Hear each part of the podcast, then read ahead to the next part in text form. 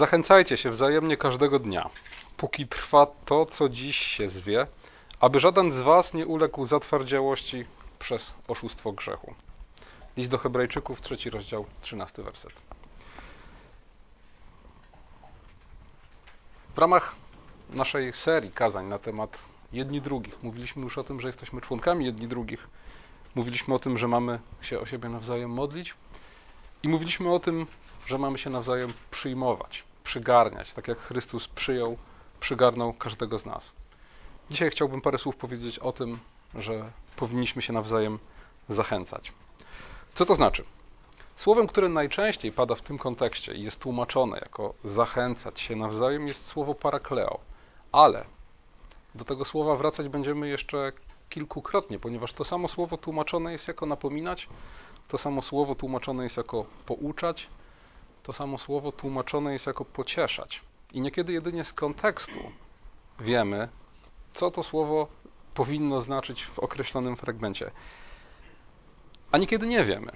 Niekiedy, jeśli porównamy sobie różne przykłady, zobaczymy, że te same fragmenty, w tych samych fragmentach wymiennie słowo parakleo tłumaczone jest raz jako napominajcie, raz jako zachęcajcie. W słowie parakleo jest tyle treści, że kontekst jedynie pozwala nam dostrzec, na co konkretnie w tym konkretnym fragmencie jeden czy drugi apostoł chciał położyć nacisk. Na przykład we fragmencie, który przeczytałem przed chwilą, przeczytałem go w tłumaczeniu Biblii Tysiąclecia. Tam jest zachęcajcie się, ale jeśli sięgniecie do Biblii Warszawskiej, której używamy na co dzień w większości, tam jest napominajcie. Podobnie pierwszym liście do Tesaloniczan, w piątym rozdziale, jedenastym wersecie, tam również napominajcie się nawzajem i budujcie jeden drugiego, co też czynicie. Tak jest w Biblii Warszawskiej, ale w Biblii Tysiąclecia czytamy w tym samym miejscu zachęcajcie. Dzisiaj chciałbym mówić o parakleo w tym najbardziej ogólnym znaczeniu, a więc o zachęcaniu siebie nawzajem. W jednym z kolejnych kazań powiem o szczególnej formie zachęty, którą jest napomnienie. Dzisiaj chciałbym mówić o zachęcaniu siebie nawzajem w znaczeniu, w jakim współczesny świat używa słowa motywowanie. I to takie modne słowo i biznesowe, i sportowe. Wszyscy się chcą nawzajem motywować i wszyscy szukają motywacji. A tak naprawdę chodzi nam o to, o czym mówili, o czym mówili do Hebrajczyków w 10 rozdziale, 24 wersecie. Pobudzajcie jedni drugich do miłości i dobrych uczynków. A więc zachęta, o której będziemy mówili dzisiaj, wezwanie do tego, abyśmy się nawzajem zachęcali, to jest nic innego jak wezwanie do tego, abyśmy nawzajem motywowali się do wzrostu w Chrystusie, do braterskiej miłości, do dobrych uczynków. I jak widzicie, ta zachęta z jednej strony ma ten pozytywny aspekt, tak? Zachęta do dobrych uczynków, zachęta do braterskiej miłości, ale z drugiej strony zawiera w sobie też element ochrony przed upadkiem, to fragment, który czytałem na samym początku. Zachęcajcie się wzajemnie każdego dnia, póki trwa to, co dziś się zwie, aby żaden z Was nie uległ zatwardziałości przez oszustwo grzechu.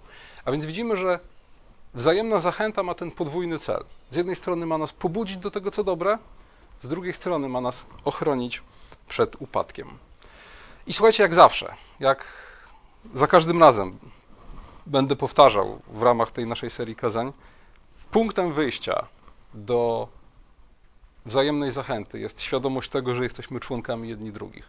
Że jesteśmy członkami ciała, którego Chrystus jest głową, a to oznacza, że związani jesteśmy nie tylko z Chrystusem, ale z sobą nawzajem, bo nie tylko jesteśmy członkami Chrystusa, jak mówi Słowo Boże, ale też członkami jedni drugich.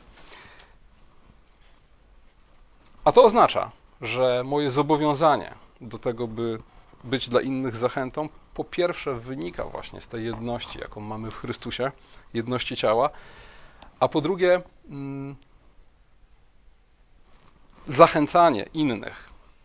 I o tym też muszę pamiętać, ma wpływ nie tylko na nich, nie tylko im służy, ale służy też mnie, ponieważ służy całemu ciału, którego ja jestem częścią. Słuchajcie, biblijna duchowość jest jednocześnie najbardziej jak się tylko da, osobista i intymna, i jednocześnie najbardziej jak się tylko da publiczna i wspólnotowa. Nie jesteśmy w stanie, nie, nie dzielimy tych aspektów biblijnej duchowości, na 60% e, aspektu osobistego i 40% wspólnotowego lub odwrotnie, w biblijnej duchowości jest 100% intymności i 100% publicznego, wspólnotowego charakteru. I słuchajcie, to co osobiste i intymne zawsze ma publiczny i wspólnotowy charakter i zawsze promieniuje na innych. Stąd nie ma duchowego wzrostu, nie ma prawdziwego poznania Boga, nie ma dojrzałości chrześcijańskiej bez wzajemnej zachęty. I słuchajcie, widzimy to w Trójcy Świętej, w której z jednej strony mamy bardzo osobistą i głęboko intymną więź, więź Ojca z Synem, a z drugiej strony widzimy, jak ta więź promieniuje, bo to wzajemna miłość Ojca i Syna rodzi Kościół. Zobaczcie, Chrystus jest jedynym Synem Boga, ale nie chce pozostać jedynym. Chce być pierwszym pośród braci. Więc ten najbardziej osobisty, intymny związek, jaki można sobie wyobrazić, miłość Ojca i Syna, to nie jest związek zamknięty na innych. Nie? To nie jest związek zamknięty na taki publiczny, wspólnotowy charakter, bo to właśnie z tego związku rodzi się Kościół. I słuchajcie, gdybyśmy szukali dalej analogii w tym, co podobne do życia Trójcy, w tym, co w Bożym zamyśle ma życie Trójcy odzwierciedlać, a widzimy to również w małżeństwie, gdzie z jednej strony też mamy do czynienia z bardzo osobistą, intymną więzią, ale z drugiej strony widzimy, że z tej więzi rodzą się dzieci. I dzieci też są w jakimś wymiarze zaproszone do bardzo osobistej relacji, jaką tworzy rodzina. Słuchajcie, dalej, małżeństwo ma też swój publiczny aspekt, bo to są nie tylko zobowiązania wobec siebie nawzajem i wobec dzieci, ale wobec świata, wobec Kościoła. Stąd domagamy się zarówno od Kościoła, jak i od świata rozpoznania stanu małżeńskiego, szacunku, czci i praw. A więc to nas nie powinno dziwić, że istotnym elementem mojego osobistego duchowego rozwoju są relacje z innymi i że nie ma tak naprawdę możliwości bez bycia zachętą dla innych i bez czerpania zachęty od innych prawdziwego wzrostu w Chrystusie. Wracając jeszcze do słowa parakleo, o którym mówiłem na wstępie. Zapewne pamiętacie, że parakletosem nazywany jest Duch Święty, co bywa tłumaczone jako pocieszyciel, ale wszyscy komentatorzy zwracają uwagę na to, że to słowo pocieszyciel e, funkcjonuje w biblijnej polszczyźnie głównie z braku lepszego, pełniejszego określenia. Bo to nie jest pocieszyciel w tym najbardziej prostym i potocznym tego słowa znaczeniu. Tu nie chodzi o to, że jest nam smutno i przykro, przychodzi Duch Święty i robi nam się weselej. Niekiedy tak jest. Niekiedy Duch Święty pociesza również w ten sposób. Ale parakletos to ten, który zachęca, ten, który napomina, ten, który poucza, ten, który wstawia się, ten, który pociesza. To jest wszystko w jednym.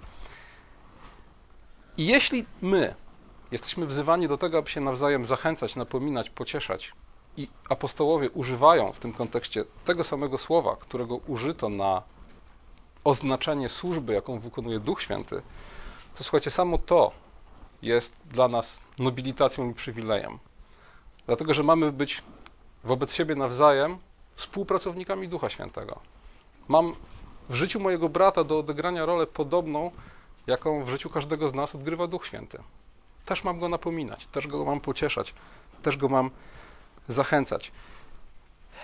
To jest, słuchajcie, niezwykła rzecz. To jest nobilitacja. To jest wyraz tego, o czym apostoł Paweł mówił, kiedy nazwał siebie i swoich towarzyszy współpracownikami prawdy. Nie? Jesteśmy bożymi współpracownikami. I chociażby to powinno być dla nas nomen omen zachętą do tego, aby siebie nawzajem zachęcać. To, co Duch Święty, to, do czego Duch Święty jest powołany, to, co, co Duch Święty czyni w życiu każdego z nas, to upodobało się Jemu w pewnym zakresie czynić za pośrednictwem. Do tego upodobało Mu się w pewnym zakresie wykorzystać nas. I słuchajcie, tak jak powiedziałem na wstępie, nie ma duchowego wzrostu bez wzajemnej zachęty. Bo z jednej strony nie mogę wzrastać sam, nie będąc przez innych zachęcany. Nie ma czegoś takiego jak autonomiczne zasilanie w duchowym życiu. Nie jestem w stanie czerpać zachęty z siebie samego. Nie mogę znaleźć motywacji w sobie samym. Znajdowanie motywacji w sobie samym jest ideą cielesną. Ja mogę znaleźć motywację w sobie samym, e, do różnych rzeczy, tak? do nauki, do pracy nawet. Nie mogę znaleźć motywacji sobie samym, trwałej motywacji do czegoś, co, co jest duchowe, do duchowego wzrostu. Co więcej, słuchajcie, jedynie do pewnego stopnia mogę znaleźć motywację do duchowego wzrostu bezpośrednio w Bogu. I to nie dlatego, że Bóg jest jakoś sam w sobie niewystarczający, że Bóg nie jest zdolny do tego, żeby mnie odpowiednio, bezpośrednio zmotywować i zachęcić. Nie o to chodzi. Chodzi o to, że Bogu upodobało się dać mi zachętę, dać mi napomnienie, pouczenie i pociechę za pośrednictwem innych osób. I słuchajcie, nawet jeśli czerpię zachętę ze Słowa Bożego, to też oczywiście, wbrew temu, co się na pierwszy rzut oka może wydawać, czerpię zachętę nie bezpośrednio od Boga, ale za pośrednictwem Kościoła, za pośrednictwem ludzi, przez których Bóg przemawiał, tych, którzy Słowo Boże przetłumaczyli na mój ojczysty język, tych, którzy je wydali i tych, którzy włożyli mi Biblię w rękę. Bogu spodobało się, abym zachętę, pociechę, pouczenie, napomnienie odbierał od innych.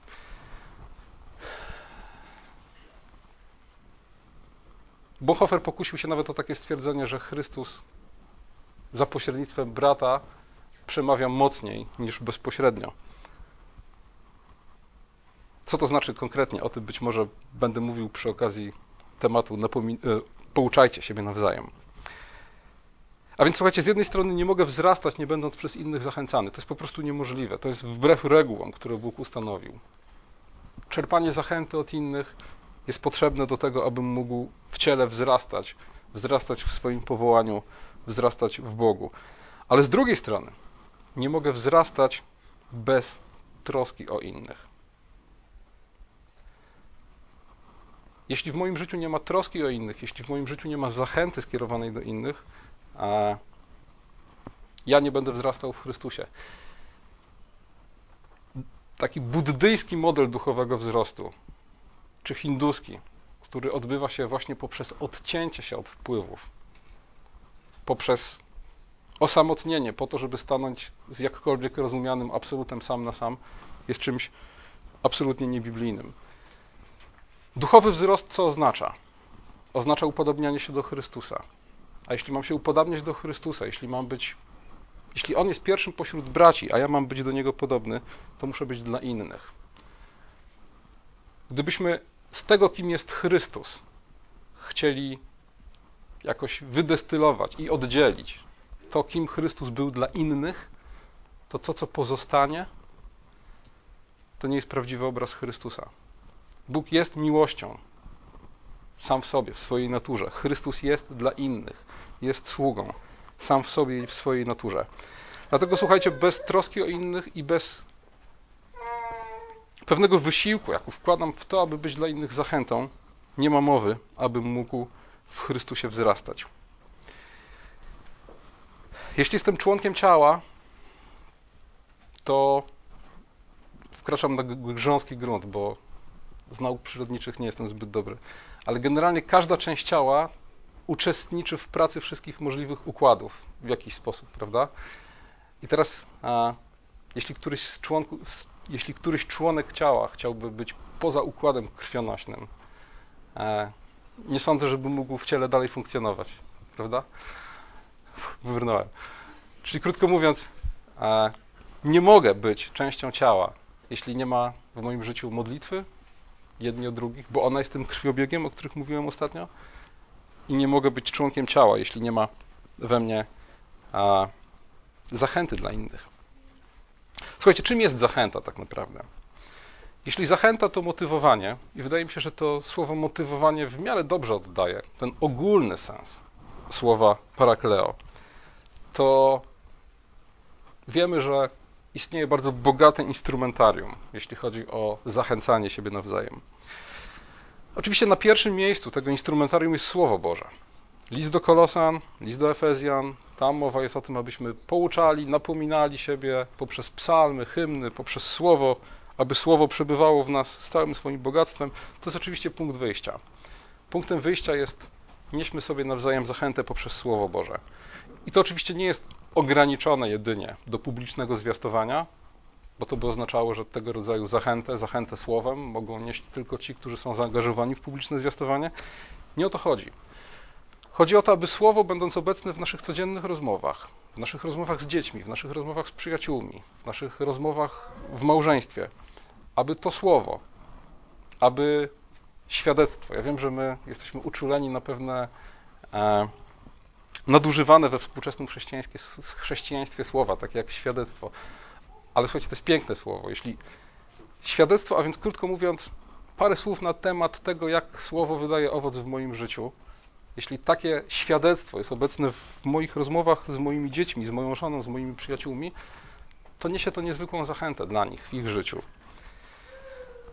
Jeśli w moim domu obecna jest, obecny jest psalm wspólnie śpiewany, pieśń, czy wspólne czytanie słowa, to jest zachęta, którą niosę innym. A więc pierwszym i podstawowym instrumentem wzajemnej zachęty jest słowo we wszystkich jego kontekstach, nie tylko publicznego zwiastowania. Napomnienie, przestroga, pociecha, takie zwykłe zapewnienie: jestem z Tobą w trudnych chwilach, albo jestem z Tobą wtedy, kiedy z czymś się zmagasz. To wszystko są instrumenty wzajemnej zachęty. Instrumentem wzajemnej zachęty może być też napomnienie, a nawet krytyka. Ale słuchajcie, krytyka ma to do siebie, że taka konstruktywna krytyka, że niesie zachętę tylko wtedy, kiedy jest osadzona w kontekście. Kiedy jest osadzona w kontekście e, braterskiej miłości, innego rodzaju zachęty i e,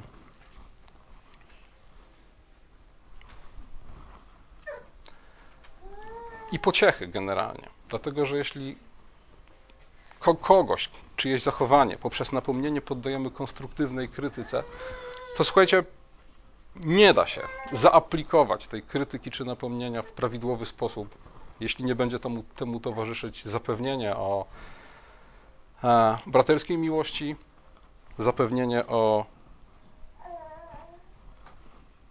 i, i pociecha, jakkolwiek, jakkolwiek rozumiana. Głównie z tego powodu, że wszelkie napomnienie musi mieć swój kontekst, a tym kontekstem jest miłość. A po drugie, dlatego, że osobie, która jest napominana czy poddana krytyce, dużo łatwiej jest przyjąć takie napomnienie bez poczucia zagrożenia, kiedy wiadomo, kiedy pochodzi ono od kogoś, kto wielokrotnie dotychczas słowem, czynem podkreślał swoje, swoją miłość i oddanie tej osobie, którą napomina. Wreszcie słuchajcie, dobry przykład. E, czasem nie trzeba wiele mówić, czasem doskonałym, doskonałą zachętą jest po prostu dobry przykład. Kiedy czytacie listę apostoła Pawła i on tam modli się, a modląc się dziękuję za swoich, e, za adresatów swoich listów, to on bardzo często dziękuję za dobry przykład, który dają. Na przykład do Rzymian pisze: Dziękuję za to, że wasza wiara słynie po całym świecie. Kiedy Rzymianie dawali świadectwo swojej wierze, zapewne nie kierowali się taką motywacją, aby zachęcić Pawła. Niemniej jednak dobry przykład ich wiary stał się zachętą dla innych. Jeśli uczciwie pracujemy, jeśli pomagamy innym, jeśli dobrze wychowujemy swoje dzieci, i te rzeczy widać na zewnątrz, to my oczywiście nie robimy tego po to, żeby kogoś zachęcić, ale to jest realną zachętą dla innych. I słuchajcie, wejdę na kolejny grząski grunt, czyli gry zespołowe, sporty zespołowe. Jak wiecie, też nie jestem specjalistą w tej dziedzinie, ale generalnie mówi się o tym, że w sporcie, a chyba w sportach zespołowych e, w szczególny sposób, kluczem do zwycięstwa jest motywacja. Zwycięstwo i porażka trwią w głowie sportowca. Stąd słuchajcie, olbrzymi nacisk, jaki w sporcie kładzie się na motywację. I tutaj słuchajcie też, jakby ludzie, którzy znajdują się w otoczeniu zawodnika, dysponują takim bogatym instrumentarium zachęty i myślę, że ono jest doskonałym obrazem również dla tego, o czym dzisiaj mówimy. Wokół zawodnika są menedżer, trener, rodzina, koledzy z drużyny, kibice i słuchajcie, każdy z nich jest w innej relacji. do tego zawodnika. Czasem ta relacja jest bliższa, czasem ona jest nieco dalsza. Inna jest relacja z kibicem, inna z trenerem. Inna z trenerem, inna z kolegą z drużyny. Czasem w tej relacji jest pewien element podległości, tak jak podlega w jakimś zakresie sportowiec trenerowi. Niekiedy bardziej jest to taka równorzędna relacja, jak z kolegą z drużyny. I słuchajcie, innymi instrumentami dysponuje trener, który pewnie czasem może sobie pozwolić nawet na grube słowo wobec zawodnika i to będzie motywujące wobec niego. Innymi kibic, tak, który może jedynie wołać z trybuny, innymi kolega z drużyny, z którym można porozmawiać w szatni po meczu. Niemniej jednak zobaczcie, generalnie im bliższa, formalnie lub nieformalnie relacja, tym więcej instrumentów, tym więcej okazji do tego, aby siebie nawzajem zachęcać. Główne nieporozumienie, jakie często jest związane ze sposobem, w jaki pojmujemy zachętę, polega na tym, że często mówiąc zachęta, mamy na myśli takie zachowanie innej osoby wobec mnie, takie zachowanie brata i siostry, które sprawia, że czuję się lepiej. No i często, kiedy mówimy o zachęcającej atmosferze, czy o ludzi, którzy mają taki zachęcający e, styl życia, czy styl bycia, mamy na myśli to, że czujemy się lepiej w ich towarzystwie. I słuchajcie, do pewnego stopnia jest to prawda, ale tylko do pewnego, ponieważ nie może być zachętą coś, co utwierdza mnie w mojej złej postawie, co utwierdza mnie w grzechu, co utwierdza mnie w fałszywym przekonaniu, że wszystko jest ok, kiedy tak nie jest. Nie jest zachętą w biblijnym rozumieniu coś, co pomaga mi zagłuszyć sumienie i odwodzi mnie od nawrócenia wtedy, kiedy tego nawrócenia potrzebuję. To byłoby sprzeniewierzenie się tej idei, że parakleo to współdziałanie z Duchem Świętym. Nie? To jest wpływ, jaki Duch Święty poprzez mnie, poprzez moje słowa i czyny wywiera na życie moich braci w Kościele. Parakleo to nie jest sposób na dobre samopoczucie. Parakleo to nie jest działanie nakierowane na samopoczucie. Parakleo to jest, jak czytaliśmy na samym początku, pobudzanie się do miłości i dobrych uczynków. Stąd, o tym w szczegółach kiedy indziej, ale chciałbym to podkreślić, zachęta to również napomnienie, to również przestroga. To również, słuchajcie, kiedy mówiłem o dobrym przykładzie, taki dobry przykład, w świetle którego budzi się moje uśpione sumienie, a to boli. Zachętą może być dobry przykład, który uświadamia mi, jak daleko odszedłem od Chrystusa w jakiejś dziedzinie. Jeśli się nagle okazuje, że moje dziecko jest dużo bardziej wierne w czytaniu Biblii niż ja, jest to dobry przykład? Jest. Boli? Niekiedy boli. I tutaj słuchajcie, istotna rzecz. Co jest dla ciebie zachęcające, a co jest zniechęcające?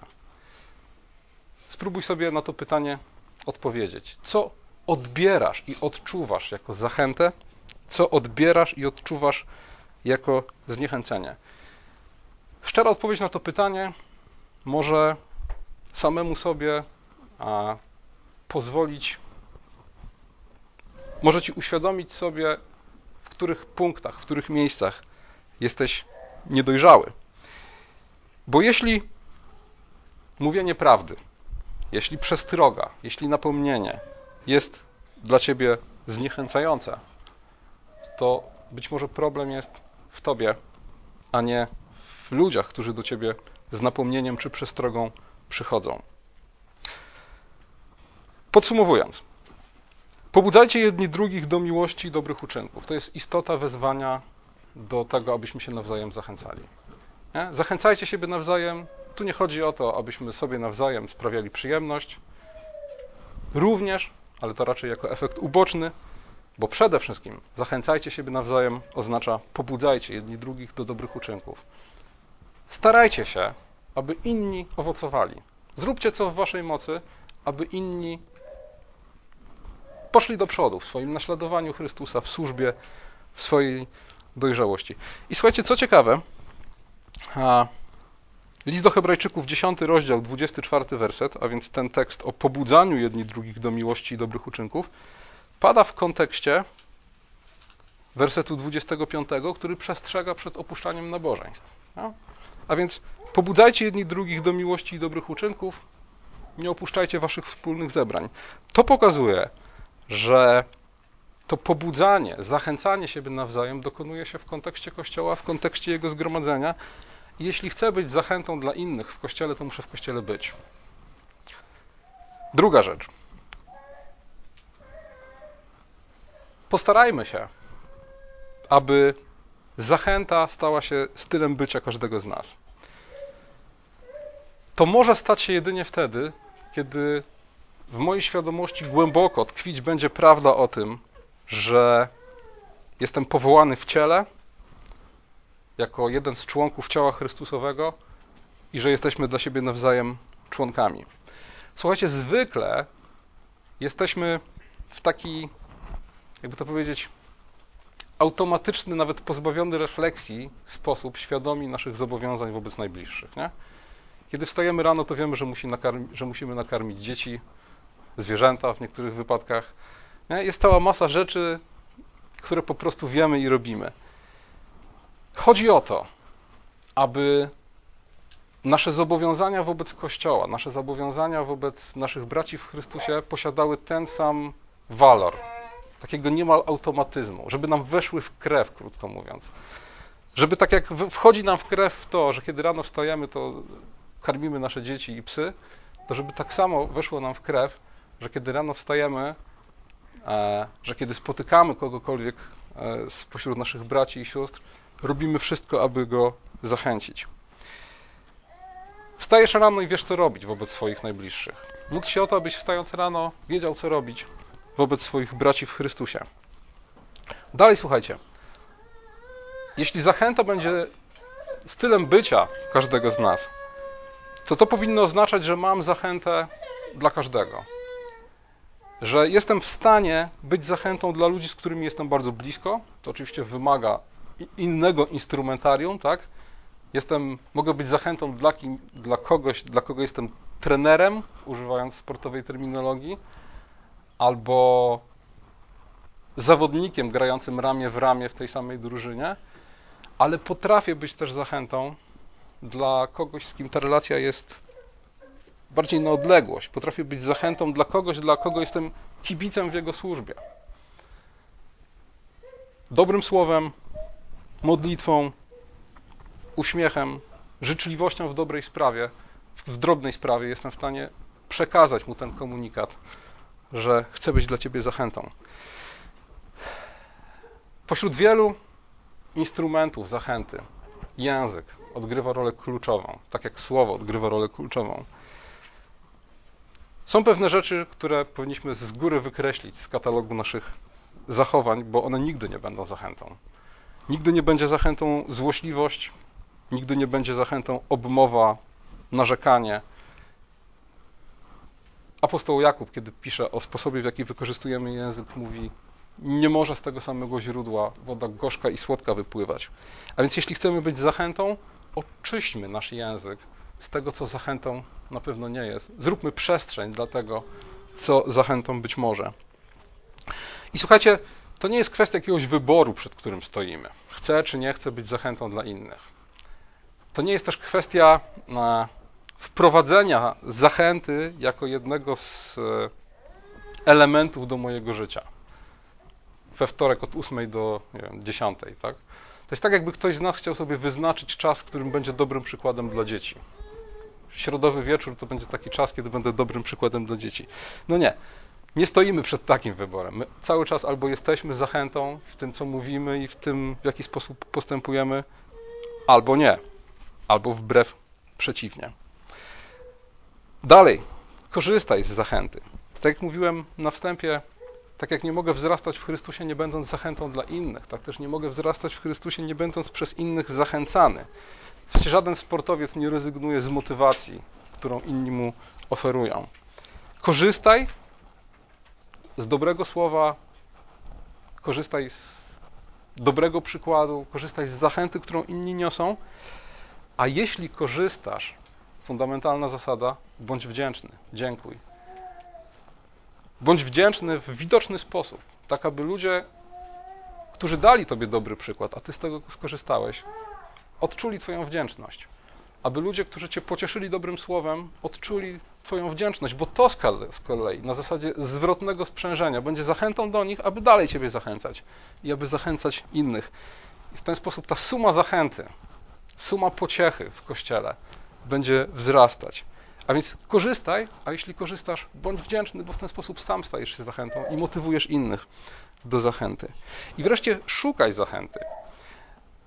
Podałem przykład apostoła Pawła, który dziękuje za swoich, za adresatów swoich listów. On pisze do, kościołach, do kościołów, w których często bywały różnego rodzaju problemy,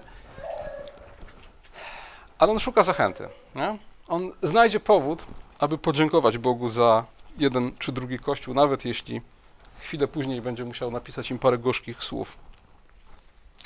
Słuchajcie, jest tak, i to jest taka fundamentalna moim zdaniem teza, naprawdę zachęty wokół nas jest więcej niż nam się na pierwszy rzut oka wydaje.